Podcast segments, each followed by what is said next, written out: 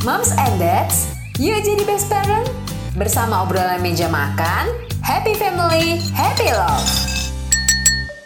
Halo Moms and Dad, selamat datang kembali di Siniar Obrolan Meja Makan. Di episode ini kita akan berbincang dengan dokter spesialis anak Aldila Dinaresti mengenai sukses mengasihi. Nah, sebelum mendengarkan perbincangan ini, jangan lupa follow dan beri rating terbaikmu untuk podcast Obrolan Meja Makan di Spotify, serta nyalakan notifikasinya supaya kamu tahu setiap ada episode terbaru yang tayang di hari Senin dan Kamis. Moms and Dad, sebagai orang tua pasti ingin memberikan yang terbaik untuk untuk anaknya. Salah satunya yaitu mengasihi hingga anak berumur 2 tahun. Nah, peran mengasihi ini bukan hanya peran mom saja loh, tapi juga dads. Dads memiliki peran penting dalam memberikan dukungan mengasihi sehingga moms lancar menyusui dan nutrisi si kecil tercukupi. Benarkah niat dan keinginan yang kuat dapat memperlancar ASI? Itu mungkin salah satu pertanyaan yang sering muncul ketika moms hendak menjalani program mengasihi. Hal yang terlihat sederhana tetapi sering kali di dihiraukan. Padahal dasar ini yang bisa menjadi langkah awal sukses mengasihi. Nah, apa saja langkah lainnya yang perlu moms dan dads ketahui? Yuk langsung saja kita simak wawancara Nita Febriani, asisten editor nakita.id bersama dokter spesialis anak Aldila Dinaresti mengenai sukses mengasihi.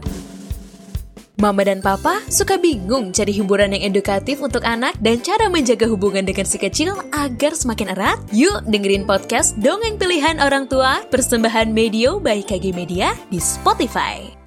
Hai Mom, selamat datang di podcast obrolan meja makan bersama saya Nita Febriani, asisten editor dari Nakita ID. Nah, bertepatan dengan Pekan Menyusui Sedunia yang diperingati setiap tanggal 1 sampai 7 Agustus kemarin, di episode podcast obrolan meja makan kali ini, Nakita akan mengangkat tema mengenai sukses mengasihi bersama dengan dokter spesialis anak yang sudah bergabung juga bersama kita di sini ada Dokter Aldila Dinaresti SPA. Halo dokter, apa kabarnya? Baik, alhamdulillah. Gimana Mbak? Sehat? Sehat? Sehat dokter, Alhamdulillah. Senang banget bisa ngobrol bareng dokter terkait dengan tema dari podcast kita yaitu tentang sukses mengasihi. Nah dokter langsung aja nih ya kita masuk ke pembahasan terkait dengan topik kita pada hari ini. Mengasihi atau memberikan air susu ibu kepada si kecil itu kan sebenarnya adalah proses alamiah yang terjadi setelah seorang wanita melahirkan ya dok ya. Tapi ternyata nih pada kenyataannya banyak juga ya dok kalau ibu-ibu ini banyak yang nggak berhasil menjalankan proses mengasihi sesuai dengan yang direkomendasikan yaitu enam bulan pertama memberikan ASI eksklusif atau hanya ASI saja dan kemudian dilanjutkan sampai anak berusia 2 tahun dengan tambahan makanan pendamping ASI atau MPASI. Benar nggak sih dok fakta ini? Ya, betul banget ya. Jadi memang fisiologisnya pada saat seorang ibu itu sudah melahirkan memang hormonnya sudah siap dia untuk pada saat bayinya keluar untuk mengeluarkan air susunya. Nah,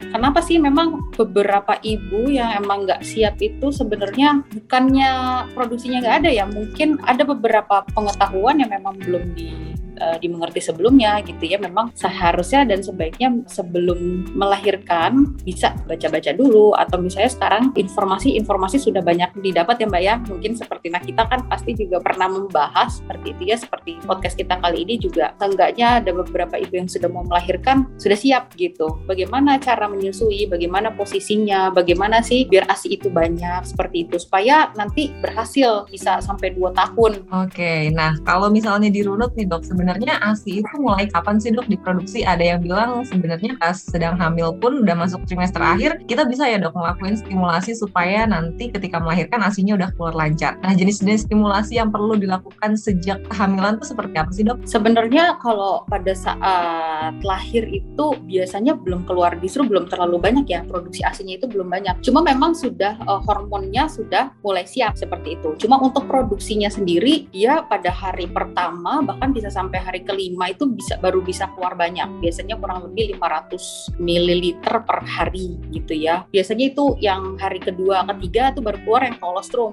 ya, yang warnanya seperti kekuningan seperti itu. Untuk stimulasi-stimulasi itu ada sih seperti uh, stimulasi pijat payudara gitu ya. Tapi uh, itu kembali lagi karena untuk fisiologisnya memang tidak semua ibu akan mengeluarkan ASI di hari-hari pertama akan banyak gitu. Jadi ini yang perlu diketahui bahwa nanti takutnya ibunya stres ya. Jadi pada saat lahir lo kok ASINya belum banyak karena memang itu fisiologis gitu. Wajar banget kalau misalnya uh, belum keluar banyak gitu ya. Walaupun cuma sedikit itu sangat berarti sih kolostrum tadi. Apalagi ibu-ibu yang lahirnya secara operasi. Nah itu biasanya lebih terlambat lagi tuh dibanding apa ibu-ibu yang spontan. Begitu. Jadi perlu dipahami bahwa nggak cuma oh harus makan banyak atau misalnya stimulasi-stimulasi apa boleh-boleh aja sih. Ya seperti stimulasi payudara tadi. Tapi jangan juga kayak waduh nanti kok nggak banyak. Jadi akhirnya semakin teracuni semakin nggak ada. Benar banget dok. Karena kadang nih sebagai ibu baru juga emang banyak banget saran dan tekanan dari keluarga dan juga orang di sekitar juga ya dok Betul. yang justru Betul. membuat ibu baru ini malah kebingungan dan bisa menghambat keberhasilan mengasihi. Iya. Nah kalau dari dokter sendiri ada nggak sih dok tipsnya supaya nih kita sebagai ibu baru ya kadang-kadang mm -hmm. keadaannya clueless gitu ketika melahirkan ya dok mm -hmm. bisa punya support system yang mendukung keberhasilan untuk menyusui ini. Mm -hmm. Ya jadi jadi pada saat kita hamil yaitu tadi ya uh, seperti yang sudah saya sebutkan mulai cari tahu gitu ya cari tahu bagaimana apalagi untuk ibu-ibu baru. Jadi edukasi itu bukan cuma hanya ibunya saja ya tapi ke suaminya juga gitu. Dan kalau bisa satu keluarga cuma kalau misalnya kita nggak bisa ngumpulin keluarga seenggaknya si suami juga gitu ya. Nanti kalau pada saat istrinya capek gitu kan biar bisa gantian sama suami supaya apa? Supaya terjaga kondisi si ibu supaya menghasilkan asi yang banyak dan stabil seperti itu. Kalau misalnya kiat-kiatnya sendiri, pertama belajar bagaimana cara memposisikan bayi pada saat disusui, ya posisinya, kemudian bayinya menghadap ke ibunya, jadi seperti garis lurus, jadi uh, mukanya menghadap ke payudara, dagunya tuh uh, di bawah bagian areola, ya, jadi menyusu tuh bukan di puting seperti itu. Bagian areola yang atasnya itu lebih banyak kelihatannya dibanding di bawahnya.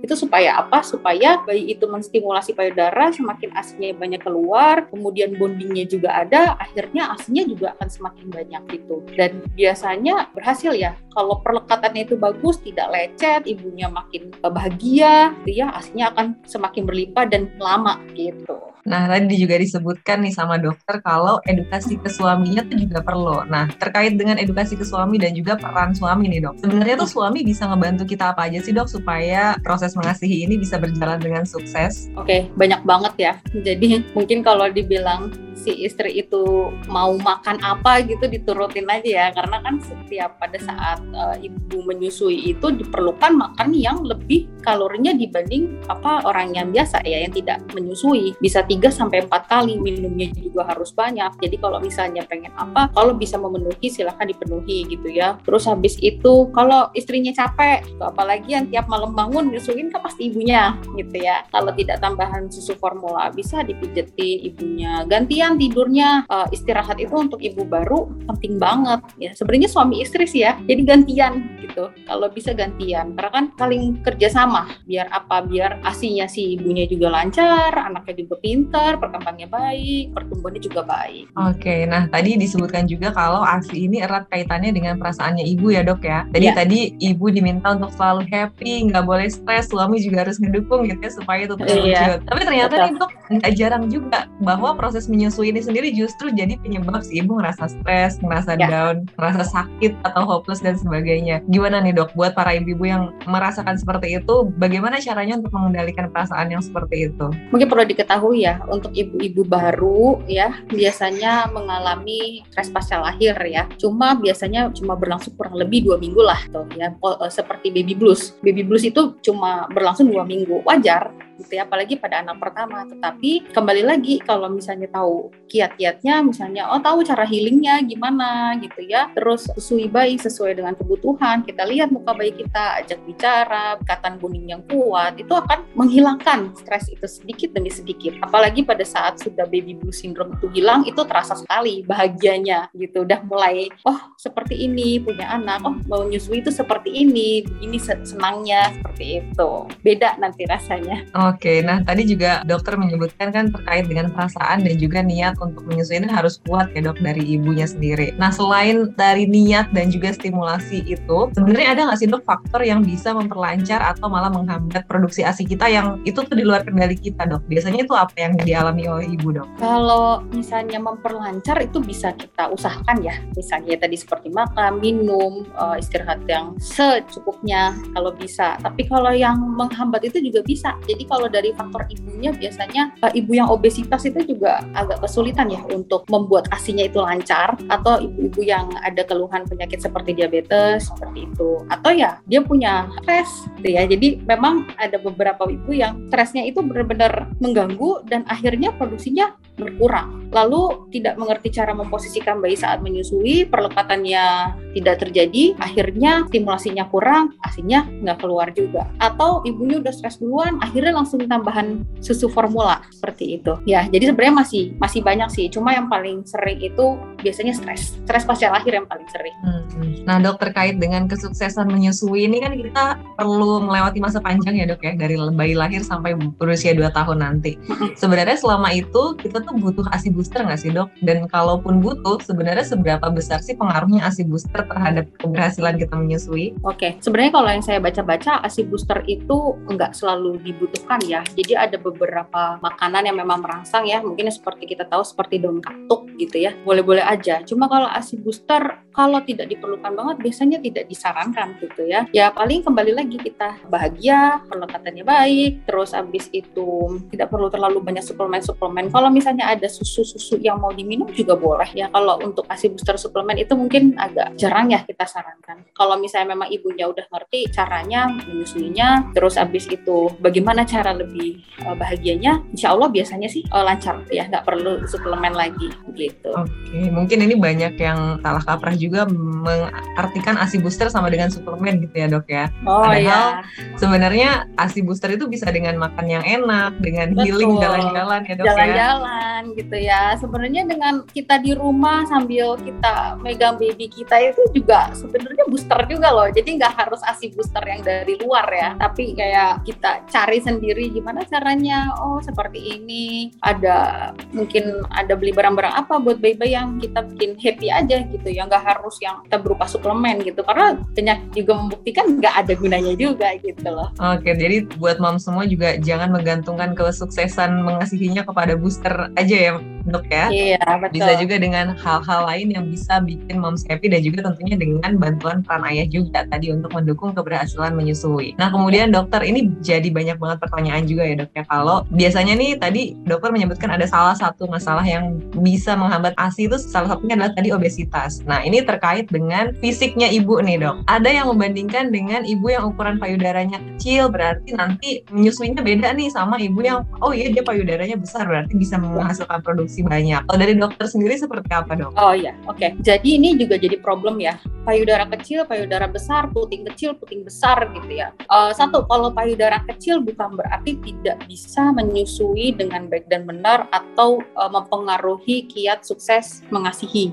seperti itu. Mau payudaranya kecil, kalau misalnya memang uh, produksinya bagus, lancar, tahu gimana cara berhasil untuk mengasihi pun akan tetap bisa dibandingkan payudara yang besar. Ada juga payudara yang besar juga karena produksinya juga belum tentu sebanyak payudara yang kecil gitu ya. Jadi banyak kok ibu-ibu yang memang badannya kecil, payudaranya kecil, ternyata hasilnya banyak gitu. Ya itu emang tergantung gitu ya. Sama kayak puting. Put, kadang ada ibu-ibu yang uh, ngeluh dok ini puting saya kecil loh, nggak ada loh. Ini gimana ngasih asinya gitu ya. Saya kasih tahu kalau menyusui itu bukan dari puting ya. Jadi kalau misalnya menyusui dari puting justru malah itu yang bikin lecet. Karena kalau di ujung doang gitu, perlekatannya itu artinya tidak bagus gitu ya. Justru menyusui itu adalah dari seluruh payudara mengikuti areola, besarnya areola gitu. Jadi untuk stimulasi di areola itu untuk supaya asinya juga semakin banyak keluar gitu. Jadi untuk anatomi payudara itu kalau misalnya tidak ada bentuk yang memang lain dari biasanya, itu biasanya tetap masih bisa menyusui begitu. Oke, jadi sebenarnya itu nggak berpengaruh ya dok ya. Iya. Nah dokter betul. selanjutnya pertanyaannya terkait dengan ini banyak banget juga yang nanya tentang pantangan. Ini sebagai ibu hamil dan melahirkan itu biasanya banyak banget terpapar tentang nggak boleh makan ini, nggak boleh makan itu, harus begini, harus begitu.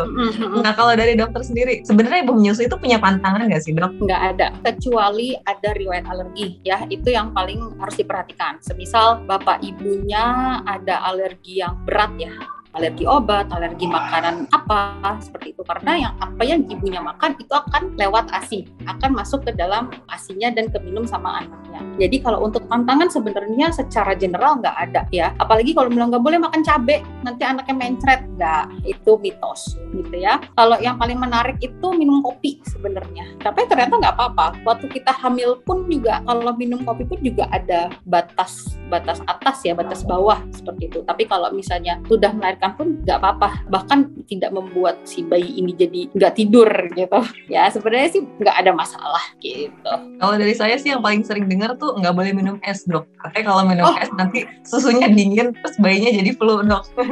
oh itu kalau mitos es itu dari hamil aja udah ada ya. Katanya kalau minum es nanti anaknya gendut. Salah kalau es es gula pasti. Tapi kalau esnya air putih biasa nggak ada masalah. Ya terus ini juga saya baru dengar malah esnya malah bikin suhunya apa mbak? Jadi asinya dingin. jadi dingin. Asi itu di, dikonsumsi dingin boleh loh, jangan hmm. salah. Tidak harus hangat ya. Jadi setelah misalnya ada ibu yang merah, habis itu dimasukin ke kulkas, mau diangetin nggak harus sampai anget pun boleh. Yang penting kualitasnya tetap terjaga ya dok ya. Betul. Taruh di suhu ruangan kita punya batas-batas waktu ya setelah keluar uh, di pompa atau setelah keluar dari kulkas itu kita punya batas waktu juga. Oke, nah dokter kemudian ini pertanyaan terakhir nih, bagaimana caranya untuk bisa memaintain produksi ASI kita tetap bisa mencukupi kebutuhannya si kecil? Karena produksi ASI itu kan katanya mengikuti dengan demandnya si kecil ya dok. Lalu ada nggak sih upaya yang bisa kita lakukan supaya produksinya bisa tetap terus mencukupi kebutuhannya anak? Sebenarnya ASI itu kan betul ya mengikuti kebutuhan si bayi. Kalau misalnya bayinya prematur, ASInya akan ikut seperti itu. Kalau ASInya anaknya matur, ya ASInya juga ngikut ya. Nanti kan untuk bertambahnya dengan usia, ASI itu kan sebenarnya kebutuhannya semakin sedikit ya. Eh, di antara 0 sampai 6 bulan itu memang dibutuhkan ASI yang cukup, bukan banyak. Jadi banyak mama-mama yang stres. Waduh, nanti ASInya nggak banyak bagaimana? Padahal yang dibutuhkan adalah cukup. Cukup, berat badan bayinya bagus, naiknya sesuai dengan eh, target, sudah nggak perlu banyak-banyak yang berlimpah-limpah tapi kan namanya cukup saja sudah baik. Nah untuk kiat-kiatnya ya sama apa yang sudah kita bahas ya. Sebenarnya makan minum yang cukup habis itu tingkatkan bonding antara ibu dan anak lalu mau pijat laktasi boleh tuh ya. Terus habis itu susui sesuai dengan kebutuhan bayi dengan perlekatan yang benar. Habis itu support dari keluarga ya. Keluarga itu sebenarnya besar ya. Karena kadang suaminya support tapi mama mertua sama mama rumahnya bertentangan. Akhirnya apa? Yang satu ngomong kayak gini, udah yang satu susu formula, yang satu asi. Akhirnya mamahnya bingung, akhirnya stres, akhirnya asinya nggak keluar. Seperti itu. Oke, itu dia tadi beberapa pertanyaan yang sudah dijawab oleh dokter Aldila ya terkait dengan kesuksesan mengasihi. Nah dokter sebelum kita selesaikan episode kali ini boleh dong dok dikasih closing statementnya terkait dengan kesuksesan menyusui untuk para mom semua yang mendengarkan. Oke, okay, jadi untuk para uh, moms yang mau menjadi ibu baru atau yang sudah menjadi ibu, silahkan nikmati, nikmati mengasihi sekarang yang ada, syukuri asi yang ada. Mungkin kalau sudah ada info-info terkait untuk memperbanyak asi, bagaimana asi cukup, silahkan di dipraktekkan seperti itu. Dan satu lagi tadi saya lupa bahas bahwa inisiasi menyusui ini juga penting ya. Jadi jangan dilupakan proses pada saat melahirkan, kemudian inisiasi segera setelah lahir, kemudian dipertahankan kurang lebih satu jam. Itu ternyata sangat berpengaruh untuk kiat sukses mengasihi sampai dua tahun seperti itu supaya bayinya tumbuh kembangnya baik. Oke, kalau gitu terima kasih banyak Dokter Adila atas percakapannya di episode kali ini. Nah, itu dia episode kali ini yang membahas sukses mengasihi untuk moms dan dads yang memiliki pertanyaan mengenai parenting atau ingin berbagi cerita dapat mengirimi kami pesan ke email podcast at kgmedia.id atau follow dan DM Instagram kami di at medio by kgmedia dan at nakita id. Jangan lupa pantau, dengerin, dan follow obrolan meja makan di Spotify untuk episode-episode terbaru yang tayang tiap hari Selasa dan Kamis yang pastinya seru banget. Akhir kata, saya Elia Amanda mewakili segenap kru yang bertugas pamit undur diri. See you moms and dads. Thank you for listening moms and dads. See you on the next episode. Happy family, happy love.